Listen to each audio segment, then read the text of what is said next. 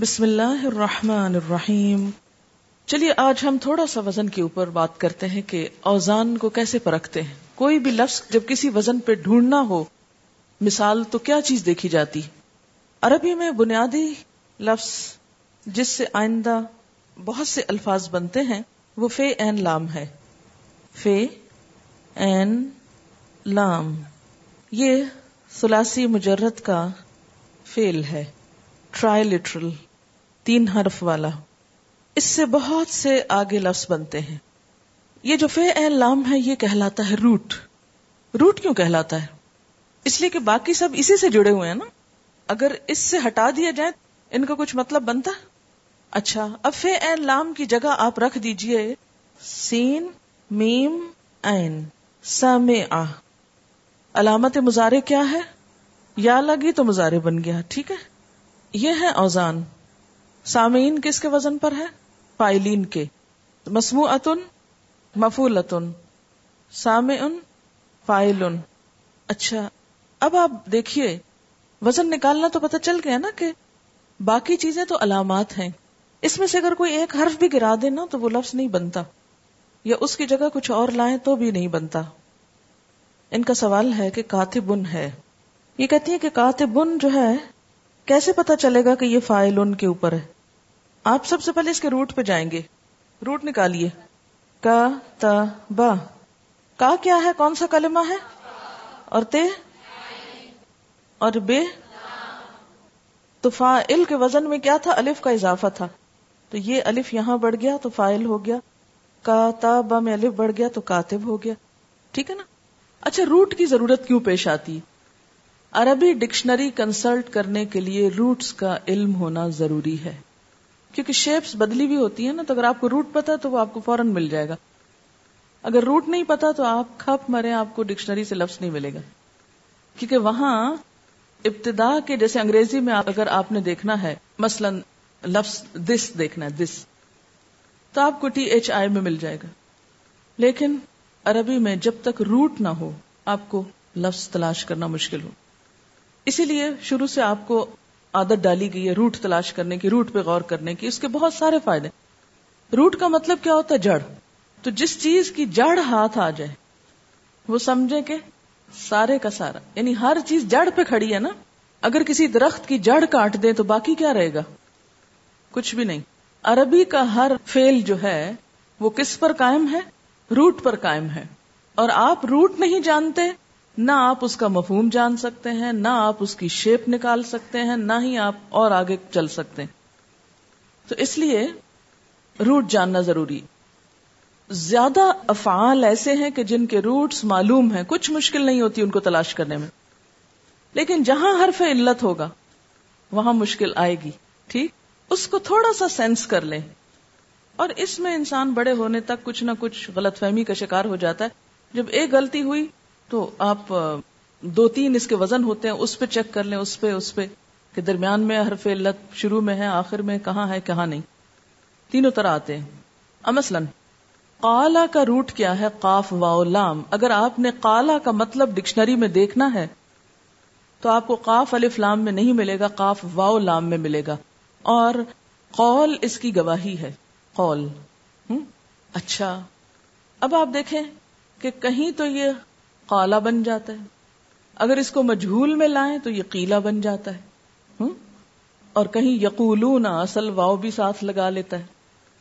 لیکن یہ چیز پریکٹس سے آ جاتی۔ ایک بات ہمیشہ یاد رکھیں کہ زبان جو ہے، وہ صرف قاعدوں، قانونوں سے نہیں آتی۔ یہ بات آپ کے ذہن میں راسخ رہنی چاہیے۔ صرف گرامر پڑھنے سے قرآن سمجھ میں نہیں آتا۔ صرف قاعدے جان لینے سے آپ عربی لکھنا نہیں جانتے۔ صرف گرامر آنے سے آپ عربی بول نہیں سکتے۔ یہ چیزیں زبان کو سمجھنے میں تو مدد دیتی ہیں۔ سیکنڈری چیزیں ہیں۔ نمبر ون کیا ہے؟ خود زبان کی اصل۔ حضور صلی اللہ علیہ وسلم کے زمانے میں کسی گرامر کا کوئی وجود نہ تھا۔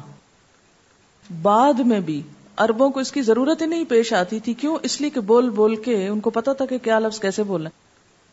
وہ ایک پیٹرن سیٹ ہو جاتا ہے نا۔ مثلاً آپ کو اردو کی گرامر آتی کچھ پتا نہیں، لیکن آپ بول رہے ہیں نا۔ اب یہ ہے کہ کوئی اور شخص آپ کی اردو سیکھنا چاہے، تو اس کو ضرورت ضرور پیش آئے گی کچھ چیزوں کو درست کرنے میں کہ مذکر مونس کو، ورنہ آپ پٹھان لوگ، معاف کیجیے اگر آپ میں کوئی مذکر کو مونس ساری زندگی کرتے رہتے ہیں۔ یا مونس کو، مذکر ان کی زبان صحیح ہو نہیں سکتی جب تک کہ وہ یہ کام نہ کرے۔ کیونکہ ان کا اپنا ایک پیمانہ ہے نا اندر، وہ اس کے مطابق بولتے ہیں۔ امیجنیشن بھی کام آتا ہے ساتھ۔ کوئی بھی اچھا یہ میں نے ایکسپیرینس کیوں کیا تھا؟ کہ ڈائریکٹ ترجمے پہ لے آؤ لوگوں کو۔ کچھ پڑھائے بغیر ڈائریکٹ لے آؤ ٹیکسٹ پہ۔ یہ تجربہ میں نے اس لیے کیا تھا اور الحمد کافی فائدہ مند ہوا کہ ہمارے ایک استاد تھے، ڈاکٹر ظہور احمد اظہر، پنجاب یونیورسٹی میں جنہوں نے ہمیں پڑھایا اور بہت ہی قابل اکثر۔ اخباروں میں ان کے آرٹیکل وغیرہ آتے رہتے ہیں اور بہت ماہر ہیں عربی کے۔ انہوں نے ہی بہت اچھا شوق راسخ کیا، یہ جو روٹ کا چکر ہے، یہ سب میں نے انہی سے ہی بیسیکلی سیکھا تھا، کیونکہ وہ ان کا سٹائل یہ تھا۔ خیر، وہ تو ہمیں لینگویج پڑھاتے تھے، لیکن اس سٹائل کو میں نے قرآن پر پھر اپلائی کیا آگے۔ تو وہ ایک بات کہا کرتے تھے کہ جو عربی بولنا چاہتا ہے، اس کو بولنے سے آئے گی۔ جو پڑھنا چاہتا ہے، اس کو پڑھنے سے آئے گی۔ جو سمجھنا چاہتا ہے، اسے سننے سے آئے گی۔ اس کے بغیر نہیں آئے گی۔ گرامر پڑھنے سے، قاعدے پڑھنے سے عربی نہیں آئے گی۔ نہ آپ زبان کا لطف اٹھا سکتے ہیں جب تک ڈائریکٹ ٹیکسٹ پہ نہ آئے۔ اور یہ بات میں نے ان کی پلے باندھ لی۔ پھر انہوں نے اگلا ہمیں یہ بتایا کہ میں اپنے استاد کی باتیں ایک الگ ڈائری پہ نوٹ کرتی رہتی تھی۔ یعنی ہٹ کے جو کلاس سے بات ہوتی تھی نا، جو کام کی بیچ کی، جس کو اکثر طالب علم کہتے ہیں ہاں یہ تو ایسی نصیحت ہے۔ لیکن ان نصیحتوں کو میں ایک الگ نوٹ کرتی تھی۔ بہت پلے باندھا۔ کیونکہ کسی استاد سے پڑھنے کا فائدہ ہی جب ہوتا ہے کہ جب اس کے تجربے کی چیزیں اس سے سیکھی جائیں۔ ورنہ تو کتابوں میں سب لکھا ہوا ہے۔ کوئی نئی چیز تو نہیں ہوتی۔ تو دوسری چیز انہوں نے یہ کہا کہ اگر تم عربی بولنا چاہتے ہو، تو ٹیکسٹ کو کثرت سے دوہراؤ اس کا طریقہ کیا؟ کہ مثلا وہاں تو ہمیں قرآن نہیں پڑھایا جاتا تھا اس طرح۔ ہمیں تو لینگویج کے مختلف جو آتھرز ہوتے تھے، ان کی کتابیں، مختلف افسانے ناول اس طرح کی چیزیں، جاہلی عرب کی شاعری، جو کچھ ہوتا ہے لٹریچر میں وہ پڑھاتے تو جدید عربی میں لطفی منفلوتی ایک آتھر ہے، اس کی عربی بہت خوبصورت وہ لکھتا ہے۔ تو اس کا ایک افسانہ تھا ہمارے اس میں سلیبس میں اللہ آنسو انہوں نے کہا کہ اگر تم چاہتی ہو کہ بولنا سیکھو، تو البرات کو پچیس دفعہ پڑھو اور بول کے پڑھو۔ اچھا ہم نے سوچا ایسے ہی کہہ رہے ہیں، بس ٹھیک ہے۔ ایک دن انہوں نے کہا کہ یہ پیج سب پچیس دفعہ پڑھ کے آئے اگلے دن ہارڈلی ہم سے کوئی دس پندرہ دفعہ ہوا ہوگا۔ پچیس نے۔ انہوں نے ہاتھ کھڑے کروائے کہ کس کس نے پچیس دفعہ کیا، کوئی بھی نہیں تھا۔ اس میں سب سے زیادہ میری شامت آئی، اس قدر ڈانٹ پڑی۔ استاد کو ایک توقع ہوتی، کلاس چھوٹی سی تھی ہماری، کہ میں کلاس میں بیٹھے رونا شروع ہو گئی۔ اتنی سخت ڈانٹ پڑی۔ اور آپ پتا کہ ماسٹرز میں ڈانٹ کھانا بہت مشکل ہوتا ہے۔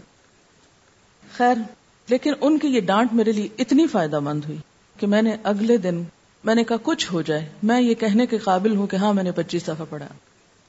آپ یقین کریں کہ میں نے جا کے پچیس دفعہ اس کو پڑھا اور مجھے یوں لگے ایک ہفتے کے اندر کہ میں بول پڑی یعنی میرے منہ سے جملے نکلنا شروع ہو گئے عربی کے۔ اور اس کے بعد پھر میں جہاں جاتی تھی عربی بولتی تھی اور سب کہتے تھے کہ تم عرب ہو۔ اور اس کے پیچھے استاد کا ہاتھ تھا کہ انہوں نے ایک سختی کی اور ایک طریقہ سکھا دیا اور ہم سے کروا لیا۔ ہوتا یہ ہے کہ ایک بچہ جو ہے، مثلا، وہ کس طرح سیکھتا ہے زبان؟ جس ماں کے گھر پیدا ہوتا ہے، اسی کی سیکھ جاتا ہے۔ کیونکہ وہ سنتا رہتا ہے۔ جب ہم لاؤڈلی بول کے پڑھتے ہیں، تو ہم پڑھ بھی رہے ہوتے ہیں، سن بھی رہے ہوتے ہیں۔ اب پاکستان میں رہ کے ہمیں عربی سننے کا تو موقع نہیں ملتا نا۔ لیکن یہ کہ ہمیں خود ہی پڑھنا ہے اور خود کو خود ہی سنوانا ہے۔ تو ایک جملہ جب ہم پچیس دفعہ سنیں گے، اپنے منہ سے نکلا ہوا تو بولنے کا رستہ بھی بنے گا اور سمجھنے کا بھی بن جائے گا۔ بس یہ شرط ہے کہ ٹیکسٹ سمجھ میں آتی۔ اس کے بعد جب میں نے پڑھانا شروع کیا تو میں نے اپنے اسٹوڈینٹس کو پچیس سو نہیں کہا کہ وہ بہت مشکل تھا۔ لیکن دس جو تھا وہ ممکنات میں سے تھا۔ اور یہ دس کی برکت ہوتی کہ کچھ عرصے کے بعد وہ الفاظ آسان ہو جاتے ہیں۔ کیونکہ تکرار، نفسیات جنہوں نے پڑھی، آپ میں سے وہ جانتے ہیں کہ تکرار کے بغیر چاہے آپ کتنے بھی ذہین ہو فوری طور پر بھی ایک بات سمجھ جائیں، وقتی طور پہ سمجھیں گے وہ اندر اترے گی نہیں۔ مثلا ایک صاف ستھرا میدان ہے، اس پہ آپ چل کے جا رہے ہیں، ریت کا میدان ہے یا مٹی والا۔ ایک دفعہ چلیں گے، تھوڑی بعد آندھی آئے گی تو وہ کیا ہوگے؟ سارے نشان مٹ جائیں گے۔ لیکن اگر آپ پچیس دفعہ وہاں سے چل کے آئے جائیں آئے جائیں، تو پتھر پہ بھی رستے بن جاتے ہیں۔ کتنا بھی حافظہ کسی کا کمزور ہو، جو دس دفعہ پڑھے گا، ہنڈریڈ پرسینٹ یاد نہ بھی رکھ سکے تو ففٹی پرسینٹ تو کہیں نہیں گیا۔ لیکن اگر آپ کہیں ایک دفعہ میرا لیکچر سن کے کہ ہاں ہمیں سمجھ آ گئی ہے کہ یہ جو آپ کہہ رہی ہیں، لفظ تو بہت آسان ہے، وہ آپ کے اندر جامد نہیں ہوں گے، وہ پختہ نہیں ہوں گے، وہ رستہ نہیں بنے گا۔ جدید نفسیات کا یہ اصول ہے، کیونکہ بعض اوقات لوگ مجھے کہتے ہیں کہ تم بہت پرانے طریقے سے پڑھاتی یہ پرانا طریقہ نہیں ہے، یہ موسٹ ماڈرن طریقہ ہے کہ یاد رکھنے کا طریقہ ایک چیز کو بار بار دہرانا ہے۔ ہم رٹے کو بہت بدنام کرتے ہیں کہ رٹنے سے بھی کیا علم آتا ہے، لیکن کچھ چیزیں رٹنے کے بغیر نہیں آتی۔ اب گردان آپ سو دفعہ سمجھیں، لیکن جب تک آپ اسے دس دفعہ بولیں گے نہیں، ایک سانس میں پڑھیں گے نہیں، وہ میزان آپ کے اندر نہیں آئے گا۔ اس لیے کچھ چیزیں کرنے کی ہیں، وہ کرنے کے بعد ہی آپ فائدہ اٹھائیں گے، ٹھیک؟ آج وزن میں ایک چھوٹی سی چیز میں آپ کو اور کراؤں گی، جس سے آپ کو مزید بات واضح ہوگی۔ مستر کا لفظی مطلب ہوتا ہے جس چیز یا جس جگہ سے کچھ صادر ہو، کچھ نکلے۔ مصدر۔ کسی کام کا صدور ہونا، صادر ہونا۔ اور اس سے مصدر۔ مصدر ممبا۔ ممبا بھی اس کا ملتا جلتا لفظ ہے۔ فلاں چیز کا ممبا یہ ہے۔ کیا مانا ہوتا ہے اس کا؟ Source, origin. تو مستر بھی یعنی افعال کا اوریجن ہے۔ ایک طرح سے سورس ہے۔ کہ باقی تمام وہیں سے نکلتے ہیں۔ مثلا، فعل مستر کے آخر میں دو پیش آتی۔ فعل، یہ اصل میں کیا ہے؟ سورس ہے۔ فعل، ٹھیک؟ فعل یا فعل فعل، کام کرنا۔ اور میننگ میں کیا آتا ہے؟ جیسے اردو میں آتا ہے، کرنا، کام کرنا۔ کوئی اور مثلا، سمع یسمع سمعن اچھا مصدر یعنی سورس کام کرنا سورس ہے اور اسی سے سارے ماضی نکلے گا مثلا مستر سے پھر باقی چیزیں صادر ہوتی ہیں جیسے ماضی ہے مزارے ہے امر ہے اور اسی سے نہیں ہے یہ سب اصل میں فیلن سے نکلے ہیں ٹھیک ہے ماضی میں کیا آیا فا اب آپ دیکھیے اس کی جگہ ہم فا کی جگہ زاہبا رگ لیتے ہیں۔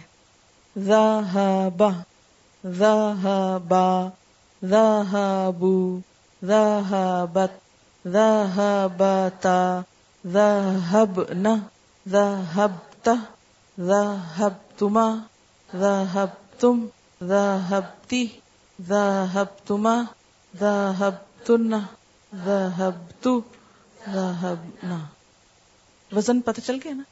یہ وزن ہے۔ وزن کا کیا مطلب ہے؟ کہ زبر کہاں کہاں آتی ہے؟ اور جزم کہاں آتی ہے؟ اور پیش کہاں آتی؟ اب جب آپ کو ہم کہتے ہیں نا کہ اس کا وزن بولے تو آپ اس میں کس میں لائیں گے؟ فیل ماضی اور سلاسی اور فا کے وزن پر۔ اچھا اگر فا کا وزن ہو تو کیا ہو جائے گا؟ بس یہ جو این کلمہ ہے، یہ سب جگہ زیر ہو جائے گی۔ اگر اس میں پیش ہو فا ہو، تو این کلمے پہ بس صرف یہی جگہ بدلے گی۔ یہاں زبر بھی آ سکتی ہے، زیر بھی آ سکتی ہے اور پیش بھی آ سکتی ہے۔ تھرو آؤٹ یہی ہوگا، باقی کچھ نہیں بدلے گا۔ ٹھیک ہے؟ اب یہ وزن آپ کو ایک مل گیا کہ کہاں کہاں زبر ہے، کہاں کہاں زیر ہے، کہاں کہاں پیش ہے۔ کیا ایڈیشن ہو رہی ہے؟ سبحانك اللهم وبحمدك نشهد ان لا اله الا انت نستغفرك ونتوب اليك والسلام علیکم ورحمۃ اللہ وبرکاتہ۔